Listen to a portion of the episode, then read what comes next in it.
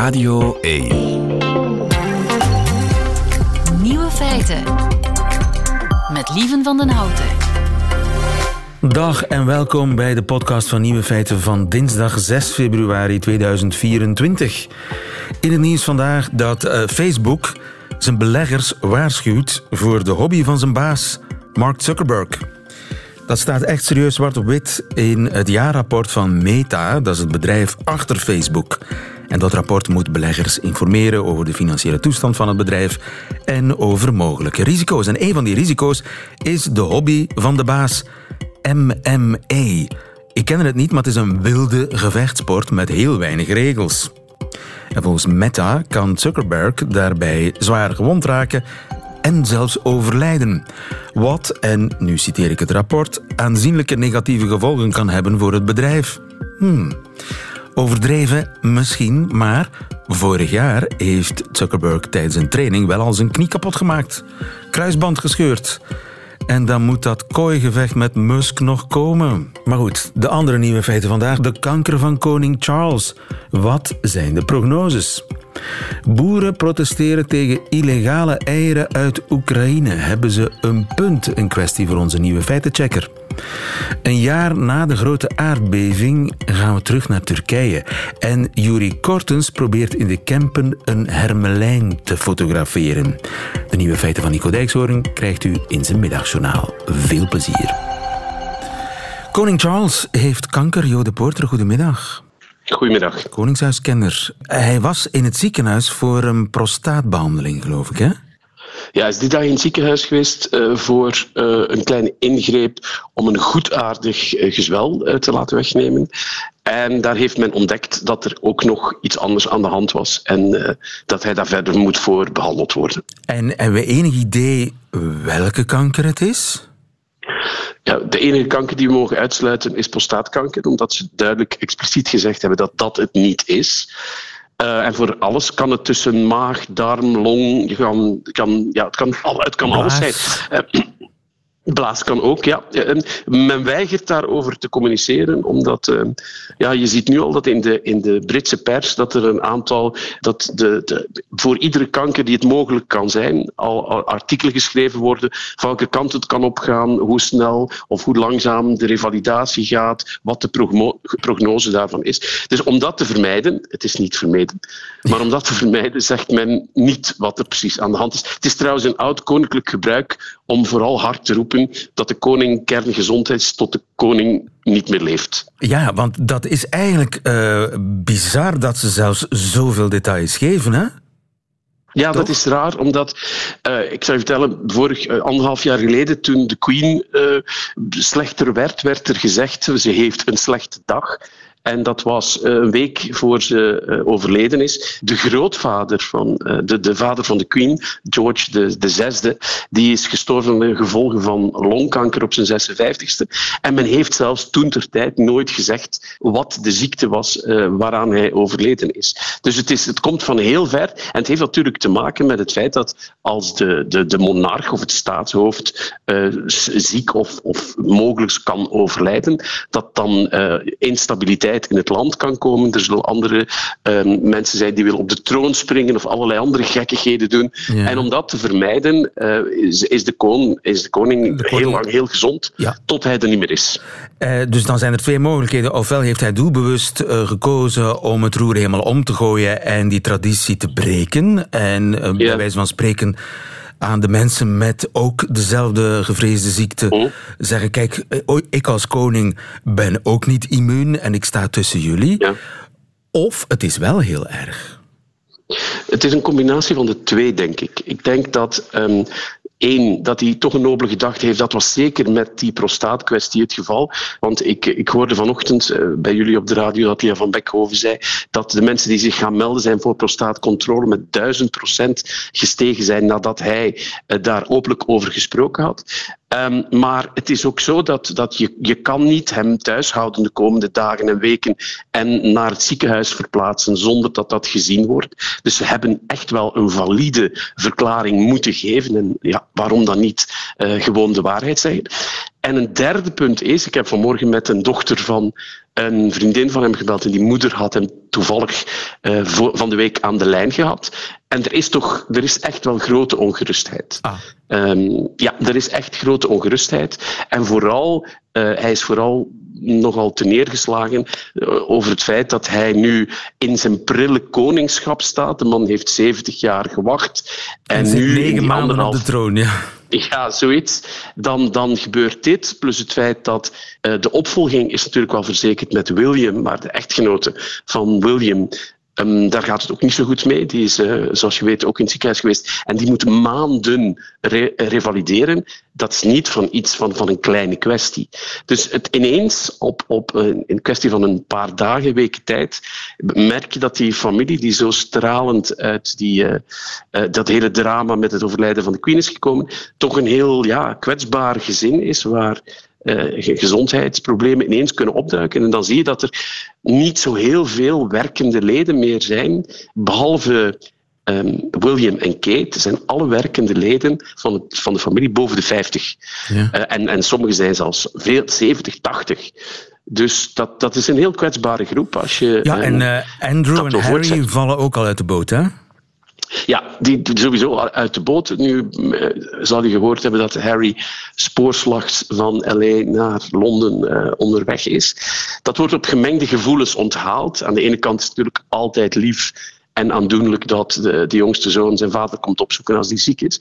Maar men vreest dat Harry niet alleen nobele uh, bedoelingen heeft om zijn vader te bezoeken, maar ook weer zijn band met de kroon wil herstellen. Want dat is natuurlijk zijn, uh, zijn USP, zijn de, de, de, reden waarom hij boeken en documentaires en programma's verkoopt. Dus het, het, de komst van Harry wordt vooral door de mensen die de koning omringen niet meteen zeer hartelijk onthaald. En ik denk ook dat dat de reden is dat zijn echtgenote niet is meegekomen, omdat de kans echt bestaat dat hij dan wel eens buiten in de auto zou moeten zitten wachten tot, tot Harry zijn bezoek afgerond heeft. Ja, nu, die prognoses, officieel zijn ze heel zonnig. Het komt allemaal goed. Ja. Uh, ja. Jij zet daar toch een beetje een vraagteken achter. Wel, ik zeg, ik bevestig dat ze zeer hoopvol zijn. En de hoopvol, het hoopvolle, het optimistische, zit vooral in de toon en in de wilskracht en in het doorzettingsvermogen van de koning zelf. Maar wat die prognose is, wat, hoe de ziekte zich gaat ontwikkelen, hoe de, de chemo eh,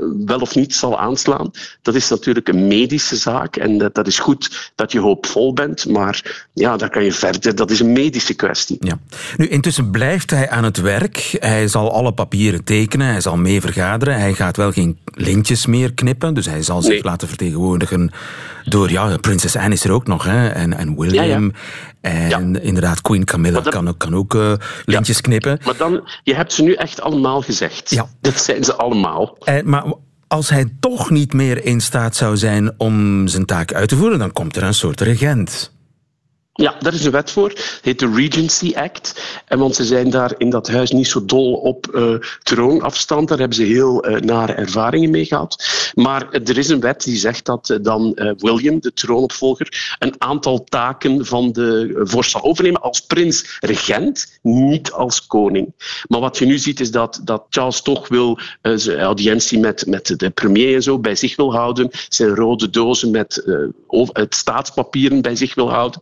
Maar wat bij Charles heel goed werkt, is Charles zijn publieke optredens, daar haalt hij minstens zoveel plezier en energie uit als de mensen die om hem heen staan. Dat is eigenlijk dat is iets wat hij, wat hij heel graag doet en waar hij ook heel erg opgeladen van wordt. En dat is iets dat hij zal moeten missen.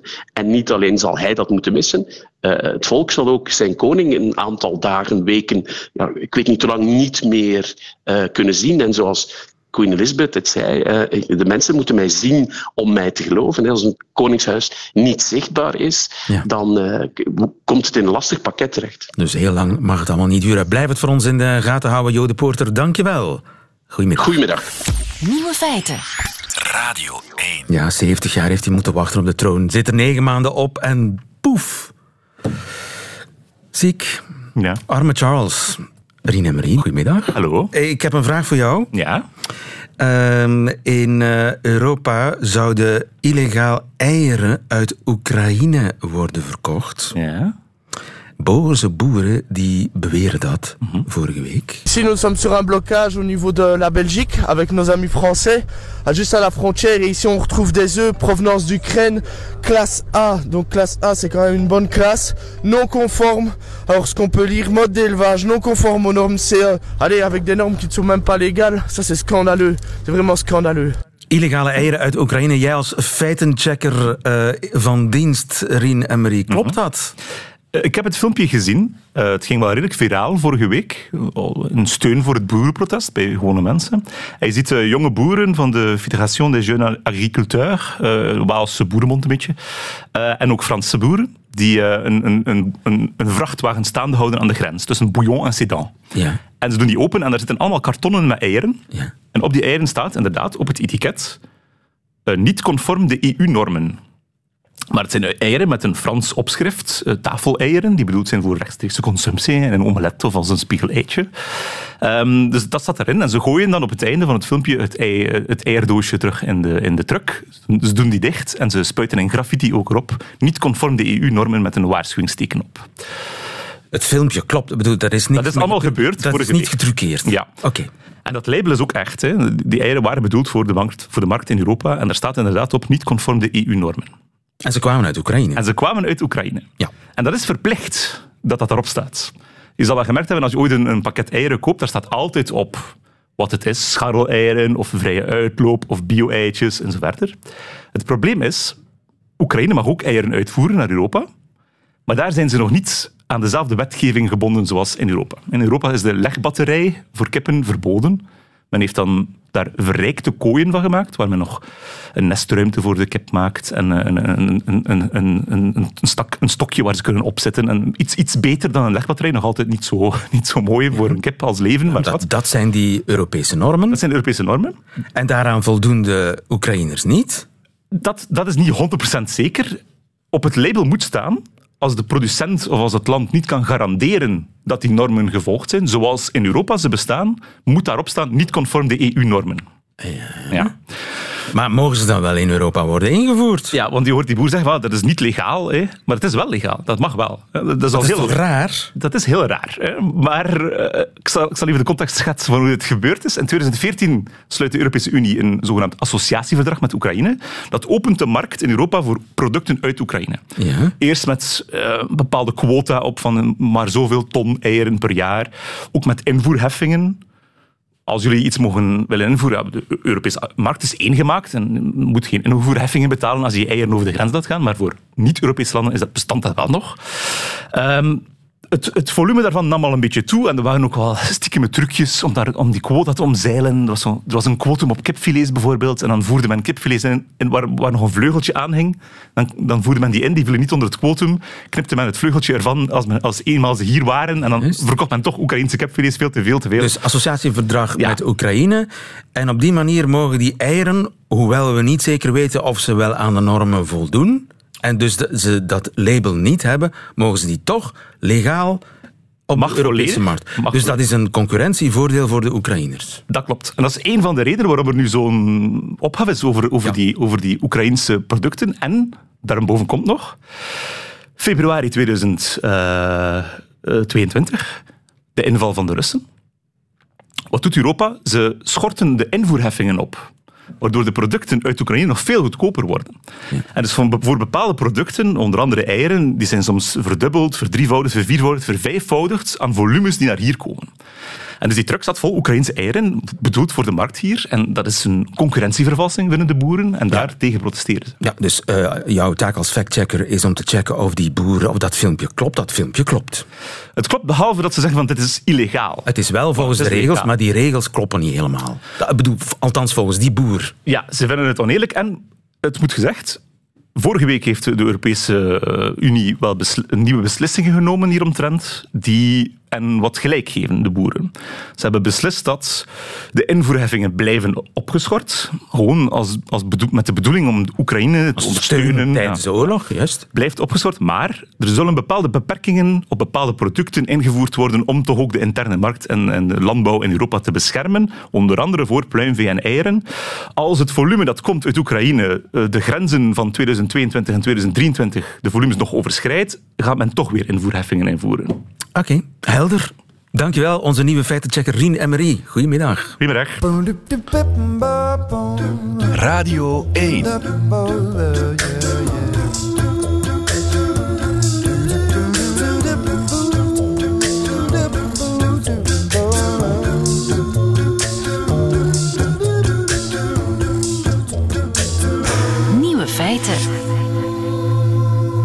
Hoe zou het nog zijn in Turkije exact een jaar na de grote aardbeving? De ravage is enorm en de menselijke tol ontzettend hoog.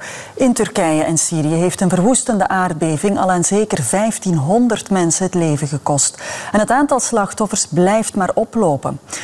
De schok had een kracht van 7,8. Het zou de zwaarste beving zijn sinds 1999. Duizenden woningen zijn verwoest of beschadigd. Ja, Hanne de Kouteren, exact een jaar geleden in het televisienieuws. Uh, Olaf Koens, goedemiddag. Goedemiddag, hallo. Olaf, jij bent uh, RTL-journalist en jij trok de voorbije weken door Turkije, precies door dat rampgebied.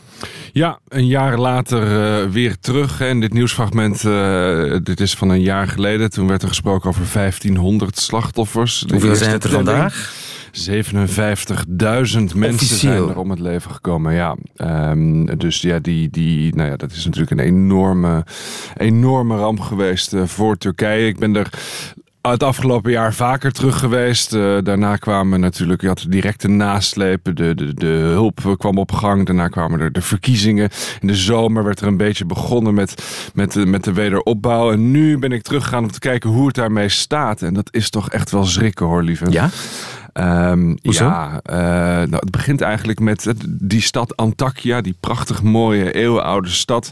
Grote delen van die stad, ja, die zijn nu leeg. Toen ik daar was een jaar geleden, toen uh, was er, was er, waren er overal mensen, waren er sirenes, was er, was er politie, leger, waren er reddingsoperaties gaande om proberen nog mensen te vinden. Inmiddels is zelfs al het puin afgevoerd en is een groot deel van die stad is een soort lege vlakte geworden met, met hier en daar af en toe nog één boom of één pand dat nog overeind staat. En als je daar bent en, en rondloopt en, en, en, kijkt, dan zie je de plekken waar vroeger duizenden mensen wonen. En daar is niets meer. Dus dat is wel uh, leeg. heavy, leeg. En, die, en die mensen, waar zijn die naartoe?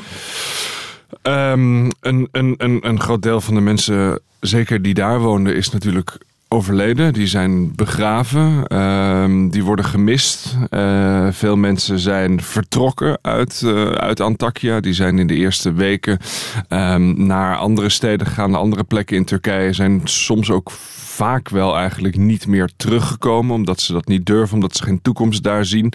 Um, veel mensen zijn natuurlijk in de directe nasleep, hè, zijn in tentjes gaan wonen. Dat zijn meestal inmiddels containerwoningen. Uh, dat zijn hele en wijken. daar zitten ze nog altijd in? Daar zitten ze nog altijd in, hele grote containerwijken. En langzaam maar zeker zie je nu wel dat er gebouwd wordt. Dus er worden hele woonwijken opgetrokken. Nieuwbouwwijken, um, uh, ja, voor ons begrip lijkt het misschien een beetje op studentenwoningen. Um, uh, maar die worden gebouwd inmiddels. Daar zijn ze wel degelijk mee bezig. Um, maar ja, voor heel veel mensen is het nog vrij uitzichtloos. De ja. stad in puin, uh, je familie, uh, delen van je familie kwijtgeraakt. Ja. Niet echt een toekomstperspectief en je woont dan nog steeds in een container. En die nieuwe huizen, die, die lijken niet op de, wat er stond. De, de, nee. de uitzicht van die, nee, van die nee, dorpen is, en die steden is, verandert volledig. Ja, ja, er is hier geen uitzicht op. op, op uh, er zijn geen urban planners uh, mee aan de slag. En, en, en er is zijn geen commissie. woonblokken. Woonblokken, ja. Er is geen commissie tot stadsherstel. Um, uh, dus ja, mensen moeten ergens wonen. En die nieuwe wijken, die nieuwe steden eigenlijk, die worden dan meestal gebouwd een beetje in de heuvels buiten ja, de ruïnes van zo'n ah, oude stad. Stad. Dat zien we in ieder geval in Antakya. Dus is, je ehm, zou kunnen vergelijken, Leuven is uh, plat, ligt plat door een aardbeving en ze gaan in de heuvels rond Leuven een paar woonblokken zetten. Louvain-la-Neuve krijg je dan, hè? Ja, juist. Ja, Louvain-la-Neuve, inderdaad. Ehm, maar ehm, ja, zo, daar lijkt het een beetje op, ja. In ieder geval voor de stad Antakya en voor andere steden daar wel. En toch zie je wel een beetje, en ik moet zeggen dat me dat voorzichtig optimistisch stemde, dat toch het leven ook een beetje terugkeert. Dus je ziet um, winkeltjes, je ziet uh, mensen die ja, toch nadat ze een half jaar bijvoorbeeld elders in Turkije hebben gewoond, toch weer teruggaan naar hun geboortegrond. Ja. Zeker in Antakya, de inwoners zijn heel trots. Dus je ziet ja, uh, winkeltjes, kioskjes. ik sprak een man, een bloemist, die heeft 37 jaar een bloemwinkel gehad op een, op een plek. Nou, dat is ingestort. en dan heeft hij van zijn laatste spaargeld toch een container gekocht met een koelelement erin. En die verkoopt weer bloemen. Ja. Um, zo zie je restaurantjes terugkeren. Uh, um, ja, dat, de veerkracht van de mensen, dat is natuurlijk ongelooflijk. Maar hebben ze bijvoorbeeld zoiets als scholen, ziekenhuizen? Ja, uh, veel van de, laat ik beginnen met de ziekenhuizen. Dat zijn vaak nog altijd de, de, de noodziekenhuizen. dus ook, ook België heeft destijds een veldhospitaal gebouwd. Nou, op de plekken waar dat is gedaan, hè, zijn later meer containers gekomen. Er zijn nieuwe ziekenhuizen opgezet. En de scholen, ja, ook die vinden meestal nog plaats in, in, die, in dit soort eh, containerwoningen. Ja, um, dus het gaat eigenlijk allemaal wel veel trager dan uh, Erdogan heeft beloofd. Poh, uh, ja en nee. Oh. Uh, kijk, Erdogan heeft natuurlijk in de verkiezingen beloofd uh, dat hij binnen een jaar iedereen een nieuw huis zou krijgen. Mm -hmm. um, nou, dat, dat, is niet dat, waar. Dat is niet waar. Dat is niet gebeurd. Maar dat kan ook niet. als je daar realistisch naar kijkt, kan dat ook niet. En wat je nu ziet, is dat wel degelijk een hoop mensen die hun huis zijn kwijtgeraakt, ja, toch wel perspectief hebben op een nieuw huis. Ik, was in een, ik ben behalve in de steden, ben ik ook in een, in een dorpje geweest toen. Nou, de verwoesting was daar gigantisch en daar kwam de hulp niet op gang, want reddingsdiensten, ja, ga naar steden en ga niet naar dorpen. Dat dorp voelde zich een beetje vergeten, in de steek gelaten. Ja, ook daar zie je dat er toch in de heuvels een gloednieuw dorp is gebouwd. Weer in dat soort ja, uh, uh, ja, studentachtige Oost-Duitse blokken. Ja, het is nog niet eens heel erg lelijk. Um, uh, en dat is, daar gaat ook een enorme verandering plaatsvinden. Omdat deze mensen, ja, die, die woonden in dorpjes, vaak met hun vee naast zich. ja, over een paar weken, als het goed is, krijgen ze de Ja, dan hebben ze voor het eerst uh, stromend water thuis. Een, een, een toilet die je kunt uh, doortrekken en, en aardgas. Ja. Uh, dus dat zal een enorme verandering teweeg brengen. En voor sommige mensen is dat misschien natuurlijk ook een, een verbetering. Ja. Maar de pijn, ja, die blijft wel. Ja, een jaar na de grote ramp. Een, een gebied ter grootte van Duitsland werd getroffen vorig jaar in Turkije. En Olaf Koens ging polshoogte nemen. Waarvoor dank. Graag gedaan.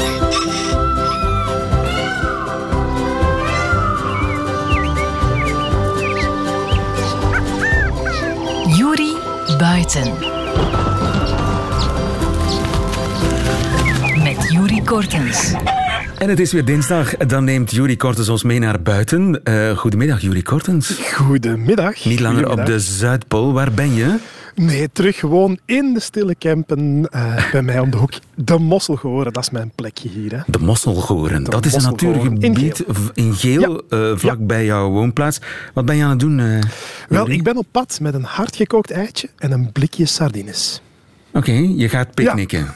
Nee, ik ga niet picknicken, maar uh, ik ga proberen om hermelijnen te lokken. En dat doe je met sardines en een hardgekookt eitje? Ja, dat is een beproefde methode, ja, zeker. Want zo een hermelijn, ja, het is dit jaar het jaar van de hermelijn in Nederland. Is Oei, een zoogdier dat is een slecht teken meestal. Hè? Het jaar van de hermelijn betekent uh, hermelijn in de problemen. Meestal is dat ook wel zo. En dat is ook wel iets dat we hier ook aanvoelen en dat we ook gewoon zien aan, uh, aan waarnemingen die steeds achteruit gaan. En dan vooral in het binnenland. De kustprovincies, daar gaat het nog wat beter. Zowel Oost- als West-Vlaanderen. Uh, maar zo ga je naar de Kempen toe hier bij ons. Ik zag ze hier vroeger regelmatig, maar nu uh, helemaal niet meer. En we willen wel weten of ze er nog zitten. En ja, daarom heb ik, heb ik een lokmiddel bij. En wat ga je daar dan mee doen met dat ei? Ga je dat gewoon in het gras leggen? Nee, nee, nee, nee, nee. Het is eigenlijk zo, normaal gezien, als we zo zoogdiertjes proberen te inventariseren, zijn vaak nachtactief ook, dan zetten we wildcamera's uit. Uh, dat zijn van die automatische camera's. Als er iets passeert, dan, uh, dan gaat die aan. Mm -hmm. Maar het probleem hermelijnen is, die zijn zo heftig, zo, zo snel. En ja, die camera's hebben zo 0,3 seconden reactiesnelheid. Zoef, zoef, zoef. Zoef, zoef, ze zijn te laat. Ach. Dus wij grappen dan heel vaak wel eens van, kijk, al die foto's waar niks op staat op onze camera, dat is waarschijnlijk een hermelijn geweest, maar ja, dat kunnen we niet hard maken. Dus ja. uh, hebben we een andere methode en dat is met een De soort hermelijn van... die er niet op staat. Ja, ja, ja. Ja, ja, ja, Foto's van een hermelijn die net weg was. Ja, net het puntje van zijn Ja, staart ja, ja. misschien. Ah, Ja, ja, ja. Of helemaal niks. Maar we hebben dus een andere methode. En dat is, je gaat die ergens op zijn gemak stellen. En dat is in een houten bak, waar ook zo'n camera in staat. Maar hij komt daarin, of zij komt daarin, eh, om iets te eten, om, eh, omdat daar iets, eh, iets lekker ruikt. Bijvoorbeeld sardines in olie, of bijvoorbeeld zo'n een hardgekookt eitje. En dan komen ze daar binnen en dan zitten ze wat rustiger eh, op die locatie. En heb je dus wel kans om ze te fotograferen of te filmen. Oké, dus we, we gaan dat vandaag niet meemaken. Nee, nee, ik ben nog maar net aan het uitzetten, hè, want ik ben ook nog maar net thuis. Maar eh, ik dacht, ik ga dat toch nog eens proberen, want het is echt wel iets dat mij bezighoudt. Eh, Waar zijn die hermelijnen naartoe? Waar zijn die allemaal naartoe? Wat is er ook allemaal mee, eh, mee aan de hand? Want ik moet eerlijk zijn, ik heb er volgens mij nog nooit een gezien. Maar ja, ik, ik ben natuurlijk geen Jury Kortens. Hermelijn, dan denk ik aan de hermelijnen mantel van de koning. Ja, dat is ook zo. En, en eh, dat zijn die witte mantels met die zwarte puntjes in.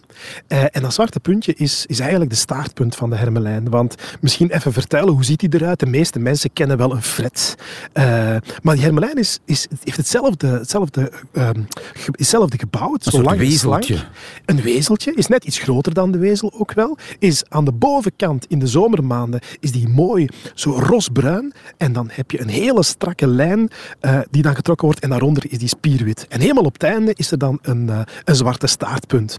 En in de wintermaanden dan verkleurt die en dan gaat die naar wit. En in het Engels krijgt hij dan zelfs een nieuwe naam. Want in de zomermaanden noemt men dat de stoat. En in het in het winterse eh, landschap, dan worden dat ermines. Waar je er meteen ook hermelijn in kan herkennen, natuurlijk. Maar dus in zo'n eh, mantel, wit met zwarte puntjes, elk puntje is een hermelijnenstaart. Elk puntje is een hermelijn, of was een hermelijnenstaart. Nu worden die niet meer gemaakt, maar er zijn natuurlijk nog wel van... Mag niet meer. Nee, wordt niet meer gedaan. Er zijn wel van die historische mantels. Eh, bij de kroning van, eh, van Willem-Alexander bijvoorbeeld werd die nog eens boven gehaald. Die heeft er heel lang op moeten wachten, maar eh, die werd nog eens boven gehaald en dan, dan pronkt men daar nog wel eens mee door de straten. Maar nu wordt het dus gelukkig, mag ik zeggen, helemaal niet meer gedaan. Want die hermelijnen kunnen die mantels best zelf gebruiken. Je zou denken, ah, het sneeuwt niet meer, dus ze vallen op in het winterse landschap. Maar dat heeft nog een tweede voordeel, namelijk als er geen kleurstof in die haren zit, dan is er extra plaats voor lucht. En dan tonen die wel wit, maar zijn ze ook veel beter in het eh, isoleren van het eh, lichaam van de hermelijn. Ze zijn een Dus- beetje kouwelijk. Eh, Kouwelijk daarom niet, maar ze zijn, ze zijn heel lang en slank en gespierd. Ze hebben eigenlijk heel weinig vetlagen. Ze willen ook niet te dik worden, want eh, ze kruipen al wel eens in, in holen, achter buizen achteraan bijvoorbeeld, of vooral achter woelratten, kruipen ze onder de grond ook wel eens om, om die te vangen. Ja, en als je dan een beetje te dik bent, te veel vetlaag hebt, dan lukt dat niet. Dus die, eh, die mantel is eigenlijk ja, de perfecte manier om toch warm te blijven ehm, en toch nog slank en atletisch te blijven. Ja, ze zijn dol op sardientjes en muizen, maar ja, die, die vang je niet in het wild, hè, in, in de mosselgoren. Eh, de muizen wel, de, de, de eitjes waarschijnlijk niet. Ehm, maar ze eten ook wel andere dingen hoor. Dus bijvoorbeeld konijnen. En Ah. eh, ja, dat is, Zo'n dat is klein, heel- klein oei, ik, ik heb zo'n beeld van zo'n een, een, ja, licht en luchtig hermelijntje die een konijn vangt. Dat, is, dat lijkt mij... Dat is, inderdaad, dat is inderdaad ook licht en luchtig, want als je dat, dat gaat gaat wegen naast elkaar, dan weegt dat konijn vier keer meer dan zo'n hermelijn. Oeh. Maar eens dat hij de zinnen erop gezet heeft, dan, dan heeft dat konijn dikwijls geen schijn van kans. En er zijn twee methodes om te jagen. Eén is gewoon zo snel mogelijk achter dat konijn aanlopen. En konijnen die gaan dan haken slaan. Die gaan zo van links naar rechts met hun achterste poten eh, constant proberen een andere richting uit te gaan. Maar die hermelijn kan dat volgen. En dat is met behulp van zijn lange staart, waar dat zwart staartpuntje aan is, gaat hij zijn evenwicht houden. Eh, en gaat hij erachteraan. En een tweede methode, dat is dat hij gewoon naar dat konijn toestapt. Helemaal vooraan heeft een konijn eigenlijk niet zo goed zicht. Dus die heeft een heel goed zicht vooraan en ook eh, opzij, en op achteraan de kop. Maar niet vooraan. En dus die gaat recht vooraan naar dat konijn. Gaat dan van die gekke capriolen uithalen. Soms een salto links en rechts. En dat konijn is, wordt helemaal... Shiny floors. Ja, die zegt van wat is dat nu? Die is helemaal ja, gehypnotiseerd. En dan uh, ja, komt hij dichterbij en kan die uh, de dodelijke beet toedienen. Dus echt wel een heel bijzonder dier. Ik denk, als je dat moet vergelijken, dan zou een leeuw in zijn eentje bijvoorbeeld een waterbuffel moeten neerhalen. En dat zie ik nog niet meteen gebeuren. Dus... Uh, en ze gaan achteruit. Ligt het misschien omdat ze zo moeilijk kweken, zo moeilijk uh, zich vermenigvuldigen? Nee, nee, nee, niet zozeer hoor. Want het kweken gaat op zich wel redelijk goed. Het is, het is, het is een bijzondere paartijd, of een, bijzondere um, manier. Want ze hebben een heel lange draagtijd. De, de paartijd zelf valt in juni. En dan gaat die, uh, gaat die bevruchte, dat bevrucht embryo gaat zich nog niet innestelen. Dus dat duurt het eigenlijk tot in maart voordat het zich innestelt. En dan heb je in april die geboortes. Maar dus, ook heb dus wacht eens even, bijna een jaar zit dat bevruchte eicelletje te wachten. Ja, dat zit gewoon te wachten tot er een periode komt wanneer er, ja, één, het, het weer beter wordt en twee, er ook veel, uh, veel jonge muizen zijn en jonge woelratten en jonge konijntjes om daarop te jagen. Uh-huh. Dus dat is net getimed daarom. Maar dan is er nog iets heel bijzonders, namelijk dat die vrouwtjes van die hermelijn, die zijn de volgende paarperiode in juni, zijn die al vruchtbaar zijn die al ontvankelijk. Dus na, twee, drie maanden. En als er dan bijvoorbeeld een mannetje door het leefgebied van zo'n hermelijnenmoeder met jongen passeert, dan kan die niet alleen de moeder bevruchten, maar meteen ook de dochters nog eens een keer. Ik keur het niet goed. Nee, nee, nee, nee maar zo gaat het nu eenmaal met de hermelijn. Ja. En dus uh, daar ligt het niet aan. Hebben we enig idee waar het dan wel aan ligt dat die hermelijn zo achteruit boert? Wel, er zijn, er zijn enkele aanwijzingen. En uit, achteruit boert is misschien uh, net juist uitgedrukt. We, zijn alles grootschaliger gaan doen. Ook de landbouw bijvoorbeeld. En ze houden van open landschappen, maar wel met houtkantjes, met rietkragen daarlangs. En als we nu zien, waar komt die hermelijn nog heel veel voor, dan, dan zijn dat vooral de historische poldergraslanden rond Maar ook, uh, ook Uitkerken. En, en dat zijn eigenlijk allemaal ja, grote poldergraslanden met de natuurlijke vegetatie, met de natuurlijke grachten en, moet zich kunnen verstoppen, en kantjes enzovoort. Moet je kunnen, heeft genoeg eten nodig. En, en ja, waarschijnlijk is die schaalvergroting echt wel een, uh, een probleem geworden voor de hermelijn en de andere kleine uh, marterachtige. Maar de grote vraag voor jou is natuurlijk of hij nog uh, in jouw omgeving zit, daar in de Mosselgoren. Ja, ja. En we gaan dat snel weten, hè? Uh, want jij gaat je bakje zetten. Met, ik ga mijn uh, bakje zetten. Ik heb zo zin in sardines en een eitje, maar niet voor mij. Het is voor de hermelijnen ja. van... Even wachten. Na, na één uur kan je, kan je gaan lunchen. Oké. Okay. Als, als, zodra er foto's zijn, dan uh, wil ik het weten. Dan stuur ik het door. Veel succes, Jurie Kortens. Tot volgende Dankjewel. week. Dankjewel. Dag. Nieuwe feiten. Radio 1. En dat waren ze weer, de nieuwe feiten van 6 februari alweer 2024. Dit is Nico Dijkshoorn in zijn middagjournaal. Nieuwe feiten. Middagjournaal.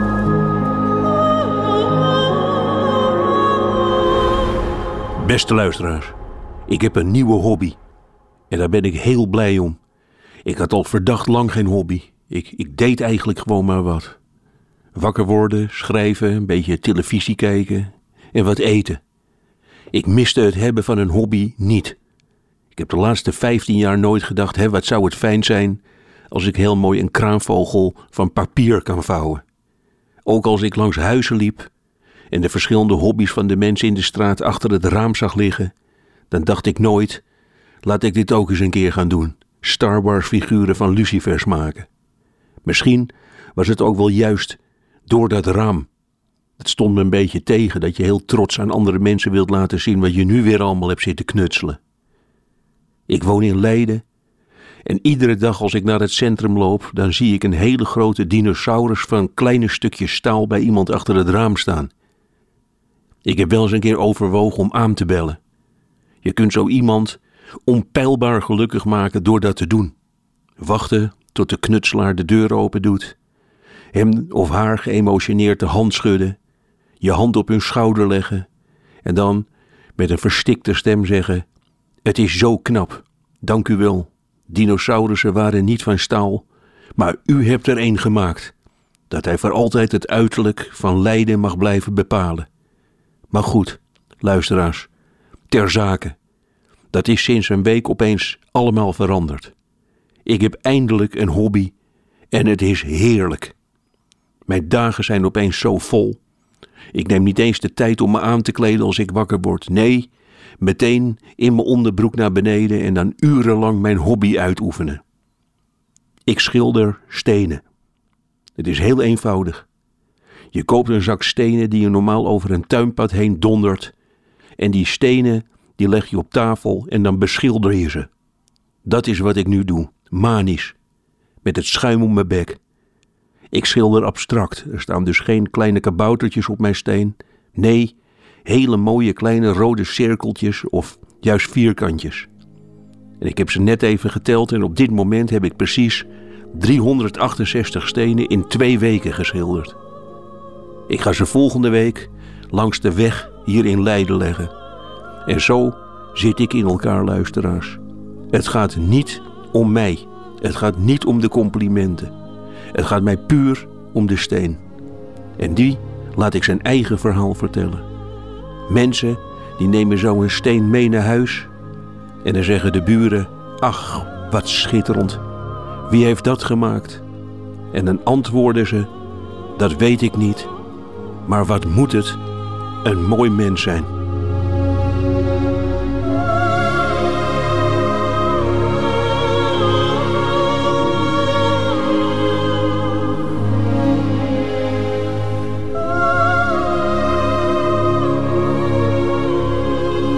Dijkshoorn, de Banksy van Leiden. De man met een hobby. We zijn met z'n allen jaloers. Einde van deze podcast. Hoort u liever de volledige nieuwe feiten met de muziek erbij? Dat kan natuurlijk elke werkdag tussen 12 en 1 live op Radio 1.